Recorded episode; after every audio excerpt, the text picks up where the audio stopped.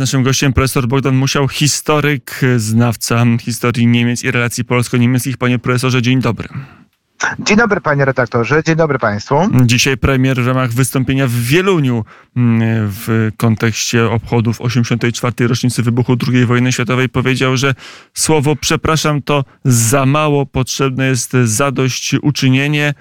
Mm, na ile tego typu słowa rezonują w Berlinie? Yy, to jest temat, yy, czyli zadośćuczynienie czy reparacje, czyli przed rokiem Polska wystąpiła oficjalnie z tymi, z tymi żądaniami, ale już temat był już od kilku lat yy, jakby na um, takich, był w, był w debacie w Niemczech również. No i oczywiście Niemcy, większość, znaczy większość społeczeństwa niemieckiego w ogóle nie bardzo rozumie, y, dlaczego Polska chce tych reparacji, ponieważ nie znają de facto polsko-niemieckiej historii, w szczególności nie znają y, polsko-niemieckiej okupacji, czyli nie mają wiedzy, powiedzmy, na temat, w jaki sposób Niemcy traktowały Polskę, jak zniszczyły, jak mordowały i jak unikały odpowiedzialności prawnej i materialnej za dokonane w Polsce zbrodnie tej świadomości w Niemczech nie ma, czyli też nie ma automatycznie świadomości jakby poczucia winy w tym sensie, że coś się Polsce z ich punktu widzenia należy. To jest jakby pewien, pewien problem tutaj, tak dysonans, e, dysonans i e, panuje pewne oburzenie, że to jest jakby wymysł PiSu i liczą na to, że po zmianie władzy przyjdzie Donald Tusk do władzy, PO i sprawa po prostu będzie zamknięta i być może ostatecznie, w jakimś sensie ostatecznie udaje się to sprawę zamknąć, żeby już w przyszłości ta, ten problem nie wypłynął i strona niemiecka, czy rząd niemiecki w ogóle nie chce wchodzić w meritum sprawy, czyli czy są słuszne te żądania, czy nie, tylko twierdzą, że sprawa się w pewnym sensie, czyli z punktu widzenia prawnego, jakby można powiedzieć, przedawniła, czyli nie ma w ogóle sprawy. Jest jeden, jednak jeden aspekt.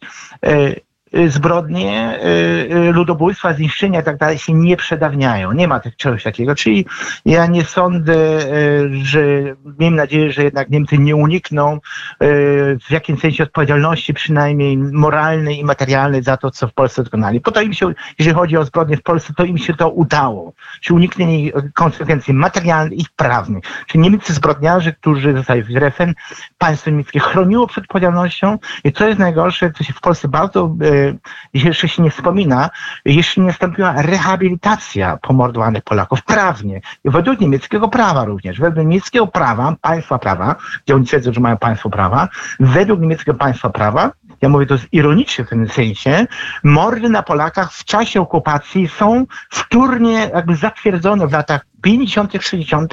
niemieckie sądy, państwa prawa, mówię to ironicznie, zatwierdziły, zalegalizowały te zbrodnie i zbrodniarze, którzy tych mordów dokonywali w świetle ówczesnego prawa okupacyjnego, zostali uniewinnieni i de facto to oznacza, oznacza, że ofiary ich Y, tych zbrodniarzy, a tu chodzi, ja mówię o, o polskich ofiarach etnicznych, te ofiary są do dzisiaj według niemieckiego państwa prawa, są jakby winne, czyli nie stopniła żadna rehabilitacja. To jest istotne. Mówimy o zadośćuczynieniu, to jednak w moim przekonaniu powinniśmy też kłaść duży punkt na ten efekt tej rehabilitacji pomordowanych, bo to jest związek, y, związany. Rehabilitacja za, za na przykład wyroki sądowe w cudzysłowie, to nie były sądowe, ale tak wtedy e, oni to uważali. E, najpierw muszą ofiary być zrehabilitowane i automatycznie, również według niemieckiego prawa, następuje zadośćuczynienie za niesłuszne, za e, niesłuszne, e, powiedzmy, egzekwowanie pewnego jakiejś kar. I tej sprawy jeszcze w moim przekonaniu za mało w Polsce podnosimy, bo jednak to wymusiłoby, miejmy nadzieję, a mi się tak wydaje, wymusiłoby pewne myślenie w Niemczech, że coś jest jednak nie na rzeczy, jeżeli pomordowani Polacy w Auschwitz według według niemieckiego pra e, prawa są jeszcze winnymi. Jeszcze nie sobie rehabilitacja. A ta rehabilitacja nastąpiła w stosunku do innych ofiar, w stosunku do ofiar Holokaustu, czyli yy, na przykład polscy obywatele pochodzenia żydowskiego zostali de facto to zrehabilitowani.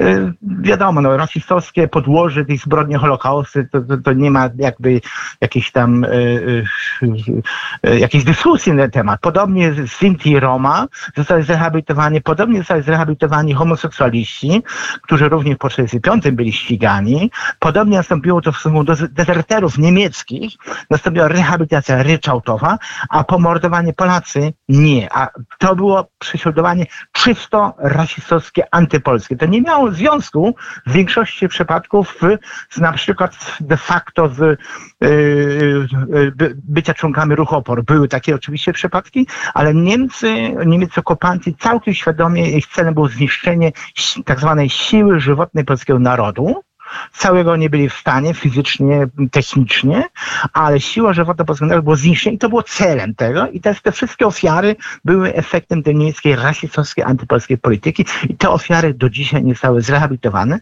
Jeżeli by to nastąpiło, a mam takie narzędzia, to nastąpiłoby automatycznie. Nie ma takiej możliwości, że nie można byłoby zadośćuczynienia. Przynajmniej w wielu, w kilku, ja, ja sądzę, kilkadziesiąt tysięcy, jak nie więcej takich przypadków mamy, gdzie przed niemieckimi sądami możemy wymagać rehabilitacji i nie ma takiej możliwości, żeby nie było rehabilitować prawnie, co automatycznie ciągnie za sobą e, zadośćuczynienie. Czyli tutaj mamy możliwość też prawną wymuszać w Niemczech debatę, że jednak w stosunku do Polski coś są Polakom winni, a tej świadomości większość Niemców jeszcze nie ma.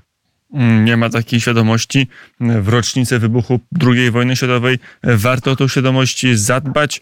No, widzimy wszyscy, jak to jest obchodzone w Polsce. A jak w Niemczech się obchodzi rocznicę wybuchu II wojny światowej? To nie jest temat jakiś główny, jakieś, jeżeli chodzi o rocznicowe w pewnym sensie. Dużo większe znaczenie ma y, w pamięci, powiedzmy takie większe znaczenie ma 22 czerwca, czyli napaść na, y, na sojusznika, y, czyli ówczesny Związek Sowiecki, to był sojusznik gospodarczy, militarny i polityczny, czyli jakby tutaj swoich sojusznika napadli.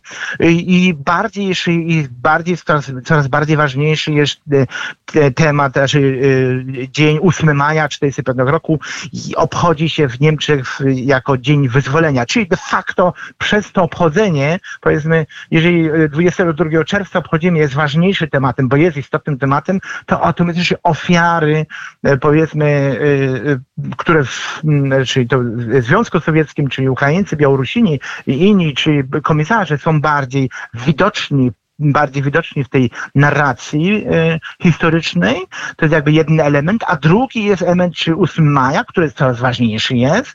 Y, być może przejdzie, już są plany w ogóle, żeby jako święto państwowe ustanowić, że Dzień Wyzwolenia Niemiec, czyli de facto Niemcy zostali wyzwoleni od y, nazizmu i Niemcy są ofiarami de facto w ten sposób II wojny światowej, czyli nie ma znowu w społeczeństwie niemieckim świadomości, że y, jest jakaś odpowiedzialność. No w końcu zostaliśmy wyzwoleni, y, myśmy też widocznie cierpieli, musieli być wyzwoleni i to jest jakby to myślenie.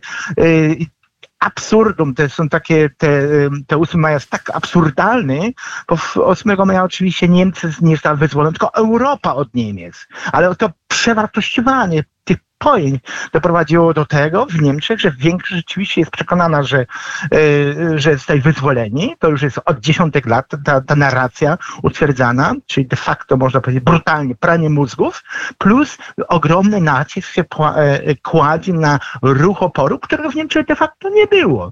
Podkreśla się oczywiście tego 20 e, lipca 1944 zamach Hitlera, ale to nie był ruch oporu, tylko to była grupa, powiedzmy, jakby, jakbym to może powiedzieć, czy Pirogorzyn był e, w ruchu oporu? Przecież potem nie. To była tylko kwestia, to był zbrodniarz rosyjski. E, z Putinem razem dokonywał zbrodni napaści. I również ci zamachowcy na Hitlera to nie byli, nie był żaden ruch oporu, to byli przekonani naziści, albo może nie naziści, którzy wspólnie z Hitlerem dokonywali zbrodni, prowadzili wojnę, e, powiedzmy, na, w Europie. W obliczu klęski doszli do wniosku, że jedyną możliwością uratowania że Niemiec jest likwidacja Hitlera, bo nie ma możliwości zawarcia pokoju. Czyli nie, nie był żaden ruch oporu, tylko to była, był nieudany zamach z grupy, powiedzmy, która była jednym z elementów, nosicieli tego systemu, e, który w Niemczech panował od 1933 roku do 1945 roku, który jest odpowiedzialny za te wszystkie zbrodnie.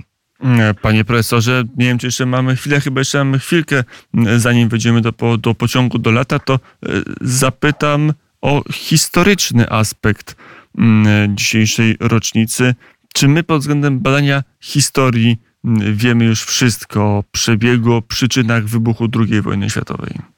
Yy, w sumie to jest dosyć dużo co badania, tylko że w Polsce czego brakuje, to jednak brakuje tej, yy, yy, to jest przez to, że przez lata była ta powiedzmy narracja Niemcy jako oczywiście napastnik i na tym się koncentrowano, a nie można było w ogóle roli Związku Sowieckiego w tej układance robić i to jeszcze w polskich narracji jest bardzo, znaczy stosunkowo mało. Oczywiście dzięki 17 września obchodzimy już w międzyczasie od lat, na szczęście i bardzo dobrze, ale 1 września bez Moskwy nie mógł, nie funkcjonował. Hitler doszedł, wydał rozkaz, wydał rozkaz napaści na Polskę w tym momencie, jak był przekonany, jak już był przekonany, że Moskwa jest jego sojusznikiem, sojusznikiem gospodarczym, militarnym, gospodarczym i politycznym. I tylko w tym momencie, w takiej konstelacji podjął decyzję napaści na Polskę 1 września. Być może później by napadł, my nie wiemy, ale ten moment, czyli tam, e, ten moment decydujący był ten sojusz, który został zawarty 23 e, sierpnia 1943 roku i wcześniejszy z 19 sierpnia, czyli ta umowa gospodarcza strategiczna o pomocy, czyli teraz po raz pierwszy mieliśmy do czynienia na dużą skalę z sojuszem energetycznym, można powiedzieć. To, co później e, robili Niemcy, Robił z, z, z Breżniewem, czyli Helmut Schmidt, Willy Brandt i Gerhard Schröder i, i, i Putin i Angela Merkel, czyli ten sojusz energetyczny odgrywał w 1939 roku kluczową rolę, ponieważ Niemcy nie mogliby prowadzić wojny przeciwko Polsce, takiej zmotoryzowanej po raz pierwszy i byli uzależnieni od, y, od ropy naftowej, od y, produktów naftowych, a Niemcy, pardon, a Związek Sowiecki to zapewnił, że dostarczy im to i zaczęli rzeczywiście dostarczać. Czyli tu po raz pierwszy mamy ten sojusz energetyczny, czyli mamy tak ciągłość, ciągłość i to w Polsce debacie w ogóle nie funkcjonuje. E, w Niemczech w ogóle zostało to wyparte. Podobnie e, zostało wyparte oczywiście wiadomo w Związku Sowieckim, Rosji dzisiejszej, to w ogóle nie funkcjonuje. I też na Zachodzie nie ma tej świadomości, jak te e, uzależnienia, ta współpraca gospodarcza w sektorze energetycznym, to był ten klucz, zaczęło się, odgrywał kluczową rolę i oczywiście celem było zniszczenie 1939 Polski, ale nie tylko, przecież kraje bałtyckie były dotknięte przez to, były, była Finlandia dotknięta, Rumunia, czyli de facto wszystkie kraje pomiędzy Moskwą a Berlinem, narody i społeczeństwa były dotknięte przez te, przez te sojusze. I to się stało oczywiście w późniejszym okresie, czyli te sojusze energetyczne niemiecko-rosyjskie czy moskiewsko-berlińskie są zawsze niebezpieczne dla Europy Środkowo-Wschodniej i będą niebezpieczne. I to jest jakby ta lekcja z 1939 roku, której myśmy nie przerobili robili, bo nie mamy tej świadomości, jak właśnie te uzależnienia gospodarcze, e, strategiczne mają wpływ na los e, nas, czyli Polaków, ale też Ukraińców. Dzisiaj Ukraińcy, Ukraina płaciła ogromną cenę za te sojusze e, niemiecko-rosyjskie również. Białorusini płacą ogromną cenę. Te kraje bałtyckie są zagrożone naprawdę. I ta lekcja jest bardzo istotna dla nas, że 1 września to jest nie tylko Berlin, ale również Moskwa w tej układance odgrywa kluczową rolę. Jeżeli dochodzi do wojny w Europie Środkowo-Wschodniej, tych dwóch partnerów, to są partnerzy, zawsze odgrywa kluczową rolę i to są pewne ich interesy, podziały wpływów. I tutaj, jeżeli byśmy to, e, my to przerobimy, to może będziemy bardziej ostrożni, jeżeli chodzi o politykę Niemiec wobec Polski, no i oczywiście Moskwy wobec Polski i oczywiście e, zdawać sobie sprawę, że my potrzebujemy sojuszników, ale ci sojusznicy nie są w Berlinie ani w Moskwie. To są e, po prostu interesy są zbyt zróżnicowane, jeżeli są interesy jakieś, e, zbieżne to między Moskwą i Berlinem, ale na, na pewno nie e, między Warszawą a Moskwą i e, ja mówię o dalekosiężnych interesach strategicznych. Takie nie ma i to, to jest lekcja w moim przekonaniu pierwszej wojny światowej między 1 września i, i tego to powinniśmy sobie w moim przekonaniu uświadomić i podkreślać to też w nauczaniu w szkołach, że to nie jest tylko kwestia jakiegoś nazizmu, hitleryzmu, to są kwestie, powiedzmy, dalekosiężne, statyczne poszczególnych nacji, narodów, państw.